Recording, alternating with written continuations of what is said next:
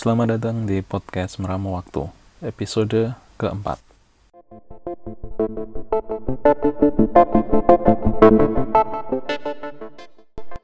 Assalamualaikum warahmatullahi wabarakatuh. Halo semuanya uh, akhirnya alhamdulillah ya episode keempat rilis juga. Dan oh ya sebelumnya mohon maaf karena beberapa hal ya. Ternyata uploadnya cukup lama antara episode ketiga dan keempat. Dan mohon maaf juga ternyata di episode ketiga kemarin yang financial check up suaranya agak kurang maksimal ya. Timbul tenggelam lah tapi santai saja. Jadi insya Allah ke depan suaranya bisa lebih maksimal. Ha, soalnya saya beli mic baru saudara-saudara lumayan lah dari cashback cashback gitu buat kalian yang baru gabung podcast Semeramu Waktu ini adalah sebuah siniar yang bercerita tentang ekonomi, tentang teknologi, tentang sepak bola dan juga tentang keluarga urban. Oh ya, buat yang tahu siniar itu apa, saya habis dapat inspirasi juga. Jadi siniar itu pas lah kalau dijadikan bahasa Indonesia dari podcast dan yang lebih penting lagi, kalian bisa menikmati siniar ini, podcast meramu waktu di SoundCloud, di Anchor, Spotify, dan Google Podcast. Saya Langit dan di episode ini kita akan bercerita tentang merantau. Ngomong-ngomong soal merantau, jadi saya yakin sih dari kalian banyak pasti yang juga anak rantau karena di Indonesia ini merantau itu sudah gimana ya, sudah nggak bisa dihindarin kan ya. Memang budaya yang pertama juga mungkin karena faktor pembangunan juga ya. Dengan pembangunan yang belum merata kan mau nggak mau kan untuk mencari penghidupan yang lebih baik deh penghidupan yang lebih baik maksudnya ya untuk belajar, untuk kuliah, untuk mondok, untuk bekerja itu kan butuh tempat lain, tempat di luar kita lahir, tempat di luar kita besar. Bahkan mungkin merantau itu sudah semacam hal wajib di beberapa suku atau beberapa budaya gitu. Nah, seperti yang saya bilang tadi, ketika seseorang itu merantau pasti ada alasannya bisa demi ilmu, bisa demi penghasilan yang layak, cek, kerja maksudnya. Dan kalau ada yang bilang kita harus meninggalkan zona nyaman, menurut saya merantau itu bagian dari keluar dari zona nyaman, bagian dari bagaimana kita meninggalkan zona nyaman kita. Nah, karena senior ini pernah mengklaim C akan bahas sepak bola, jadi insya Allah episode ini merantaunya itu kita hubungkan dengan para pemain sepak bola, saudara-saudara. Jadi apa ya? Jadi gini, di musim ini ternyata ada beberapa pemain yang mungkin kalau dia nggak merantau kita nggak akan terlalu inget dia. Mungkin lah ya. Dan siapa dia? Dan ketika pertama kali bahas pemain rantau gitu, otak kita langsung ingetnya kan Jadon Sancho yang dulunya pemain City itu. Ya gimana ya? Karena jarang ada pemain Inggris yang merantau ke Eropa daratan dan sebagaimana kita ketahui ternyata musim 2000 2017 kalau nggak salah ya iya kayaknya 2017 kemarin kan akhirnya si Sancho ini mau menerima pinangannya Dortmund gitu. Dan yang menarik si Jadon Sancho ini pindah ke Dortmund tuh di usianya 17 atau 18 ya sekitar segitu. Usia yang relatif muda. Dan kalau kalian sering main FM, Football Manager, ini pemain-pemain yang kayak gini tuh bisa dibilang lagi lucu-lucunya ya si Sancho ini bayangin kalau kalian punya Sancho bayangin aja kalian punya pemain sayap yang bisa dipasang di kiri maupun di kanan larinya paling kencang. Bahkan paling kencang top speednya dibandingin teman-temannya itu paling kencang sekitar berapa ini? Sekitar 34,6 km per jam. Tapi dia larinya tuh modelnya nggak ngoyo. Nggak model ngoyo sprint doang. Dia bisa mengatur kecepatannya sprint. Berhenti bentar set set set cari ruang cari momen dioper gitu terus dribblenya bagus, masih muda. Nah sekarang ini kemarin saya pas lihat itu musim ini udah gabungannya dia udah bikin 6 gol, 5 di Bundesliga-nya, udah bikin 11 assist, 9 di Bundesliga. Nah ini yang menarik ini. Tag on-nya dia, tag on suksesnya berhasil melewati lawannya 32 kali. Terbaik cuy di tim. Bisa dibilang ya kalau kalian main FM bayangin nih punya pemain kayak gini wonderkid banget lah si Sancho dan merantau tadi. Sekali lagi bisa jadi loh ya. Jadi ketika Sancho di City belum tentu kita akan disuguhi permainan yang yang kayak dia keluarkan saat ini. Dan apa yang dia keluarkan itu, apa yang dia tampilkan maksudnya membuat kita sadar kan, ya Bundesliga itu memang liganya anak muda gitulah bahkan kalau main FM lagi-lagi FM FM tuh squadnya terbaik loh jadi beneran ada squadnya jadi datanya ya emang keren lah dan ngomong-ngomong soal FM itu kalian pasti kalau main Liga Jerman itu banyak banget deh pemain-pemain yang menarik, pemain-pemain muda yang menarik dan itu pemain homegrown. Maksudnya emang dididik di tim itu itu. Kan enak tuh kalau punya pemain kayak gitu pas main Liga Champion kan nggak bingung kan. Nah, selain Sancho, ada juga pemain Inggris lain. Nah, kalau kalian yang Gunners kan pasti tahu siapa dia? Chris Nelson, ya. Dia sekarang di Hoffenheim. Kalau nggak salah usianya juga beda tipis sama Sancho. Belasan lah 18 atau 19 atau 17 gitu. Lebih tuaan Nelson sih. Dia juga tipikal pemain sayap yang bisa ditaruh di mana aja. Di kiri kanan bahkan bisa di second striker di tengah lah. Dan di musim ini pun dia udah bikin 6 gol di Hoffenheim. Kayaknya juga terbaik kedua apa ya? Dia kan memang kemarin kan udah mulai dapat tempat juga kan di Arsenal cuma dia akhirnya dipinjamin ke Hoffenheim. Nah bisa jadi loh apa yang dilakukan Sancho maupun Nelson ini bisa jadi tren sih. Mungkin bisa juga musim depan kita akan menemui pemain-pemain muda Inggris lain yang merantau ke luar negeri dan merantau merantaunya mereka itu bisa jadi juga jadi alternatif baru biar lebih berkembang ya tipikalnya Liga Inggris karena Liga Inggris kan diklaim jadi liga yang terbaik kan. Mau nggak mau kan tim juga jarang lah yang memberikan kesempatan buat pemain-pemainnya apalagi pemain muda buat berkembang gitu. Porsinya kan lebih sedikit. Nah, kalau sebenarnya kan kalau pemain lokalnya punya kesempatan gitu, punya kesempatan tampil, ketika pemain itu punya kesempatan tampil kan skillnya insya Allah kan meningkat juga. Tekniknya baik skillnya baik secara taktik baik mentalitas juga baik insya Allah timnasnya juga baik. Dan mungkin loh ya kalau wartawan olahraga itu ikut merantau terus kemudian jadi baik ya timnasnya mungkin jadi baik. Karena ingatlah kata bapak kita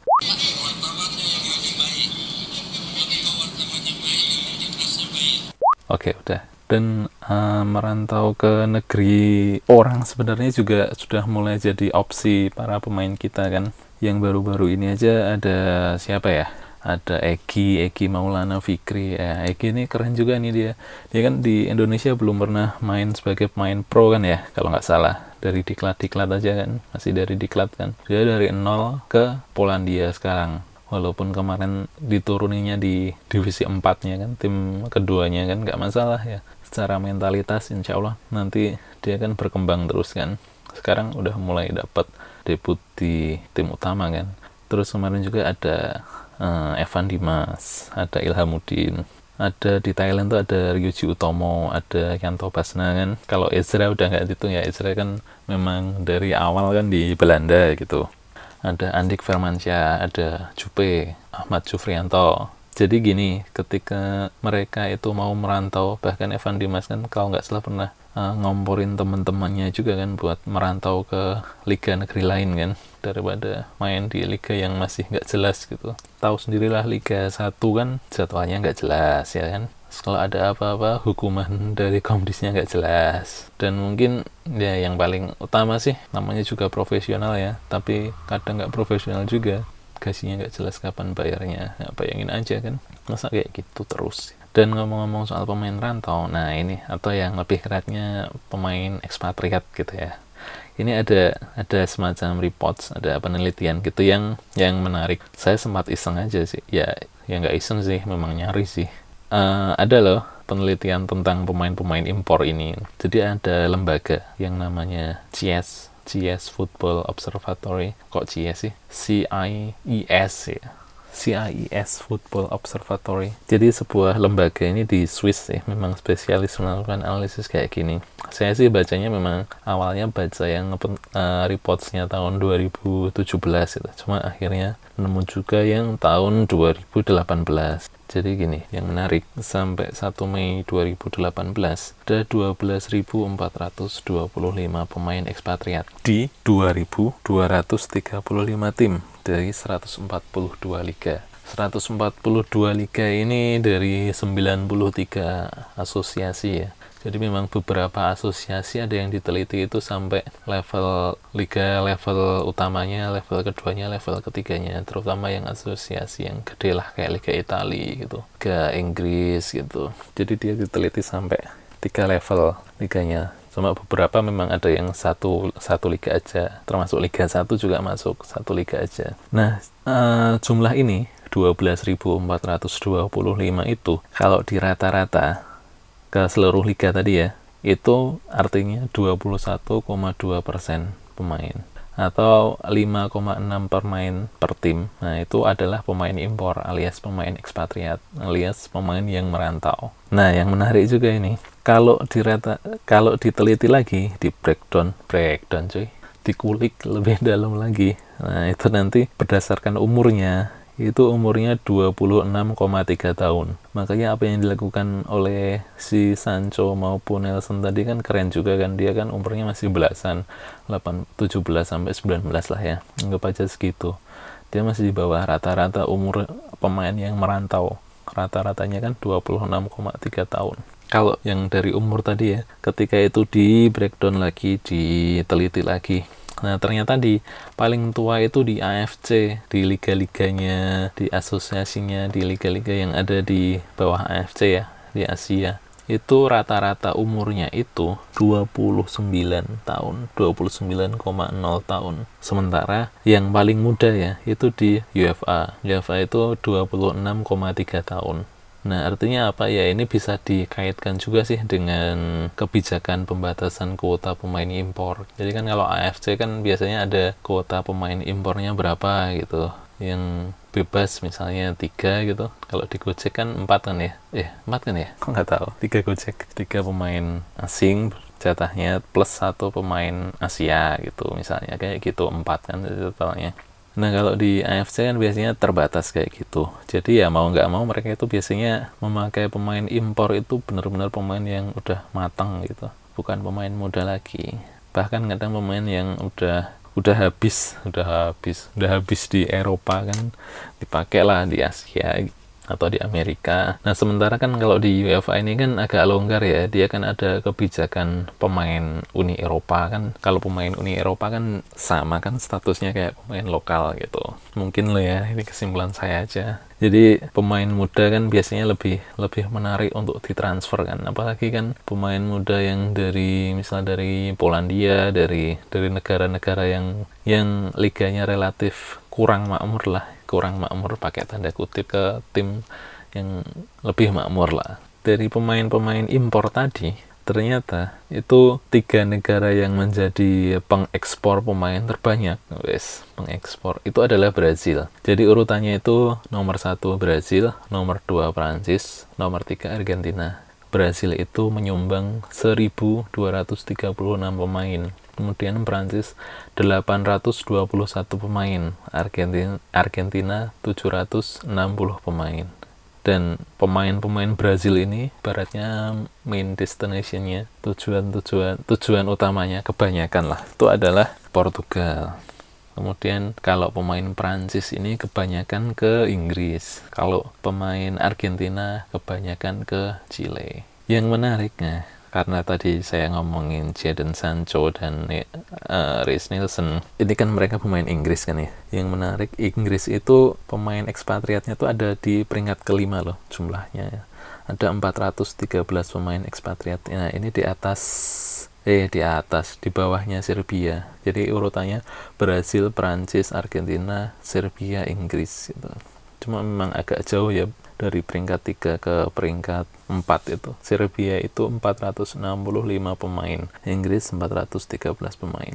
Cuma ya itu tadi yang seperti yang saya bilang di awal tadi. Ya kebanyakan pemain Inggris ini, eh kebanyakan. Jadi main destinationnya, tujuan tujuan utamanya sih kebanyakan ke Skotlandia gitu. Ya masih Britania lah ya udahlah lupakanlah ngomong angka-angka itu tadi. Jadi gini saya jadi ingat pak bapak kita kemarin itu sih ketika ngomong angka pemain impor tadi masa iya sih 12.425 pemain ini nggak nasionalis gitu? Kan nggak kan? Jadi memang uh, urusan ekspor impor pemain sih itu memang suatu keniscayaan gitu kan apalagi kan uh, sepak bola ini kan termasuk olahraga yang mendunia gitu. Bahkan katanya paling populer sejagat raya eh jagat raya sebumi maksudnya. Nggak tahu sih kalau alien-alien tuh suka bola juga gitu. Yang jelas gini sebuah tim jangan kita lah ketika sebuah tim itu mengimpor pemain itu kan insya Allah kan bermanfaat juga buat meningkatkan level permainan negara itu.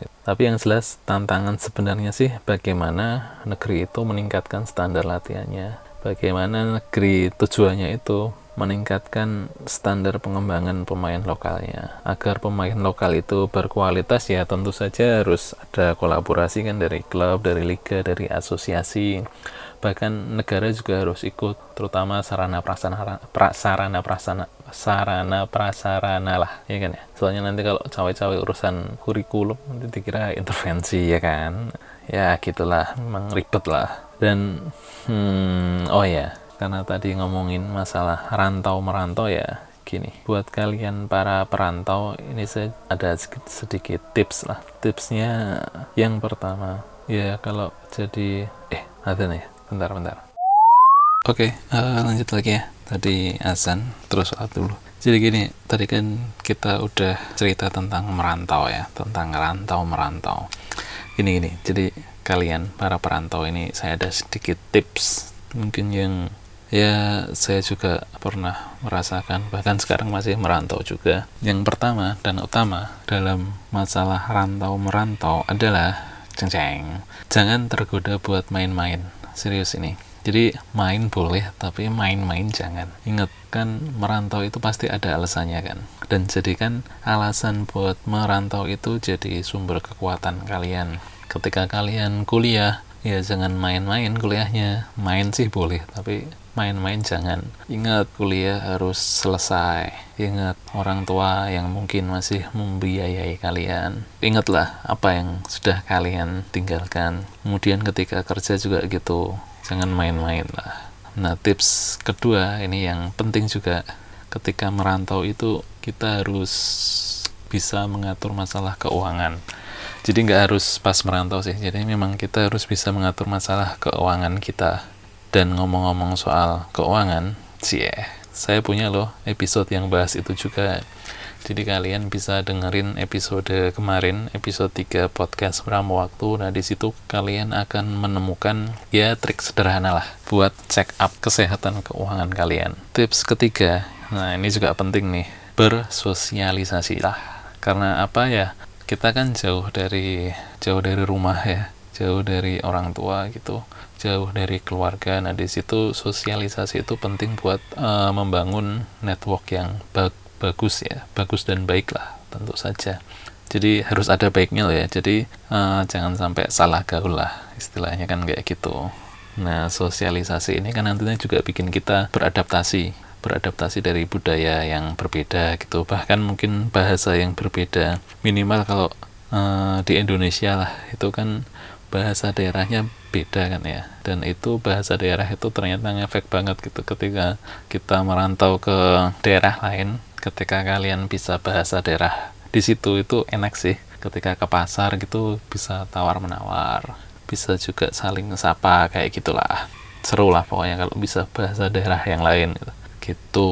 jadi intinya sih merantau itu pengalaman yang luar biasa insya Allah bahkan ulama-ulama dulu itu banyak kan juga menjadikan merantau jadi gaya hidup kan. Kalau mau cari hadis gitu aja kan harus ke negeri yang lain gitu. Dan kalau dulu kan kalau lintas negara kan naiknya naik kuda naik unta gitu kan naik keledai.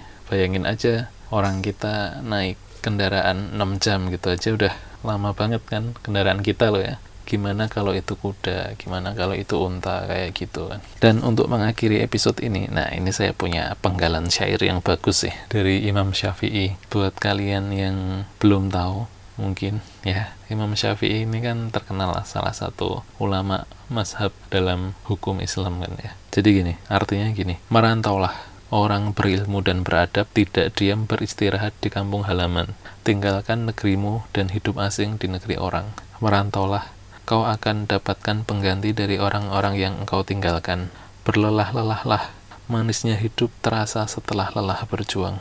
Aku melihat air menjadi rusak karena diam tertahan. Jika mengalir menjadi jernih, jika tidak akan keruh menggenang.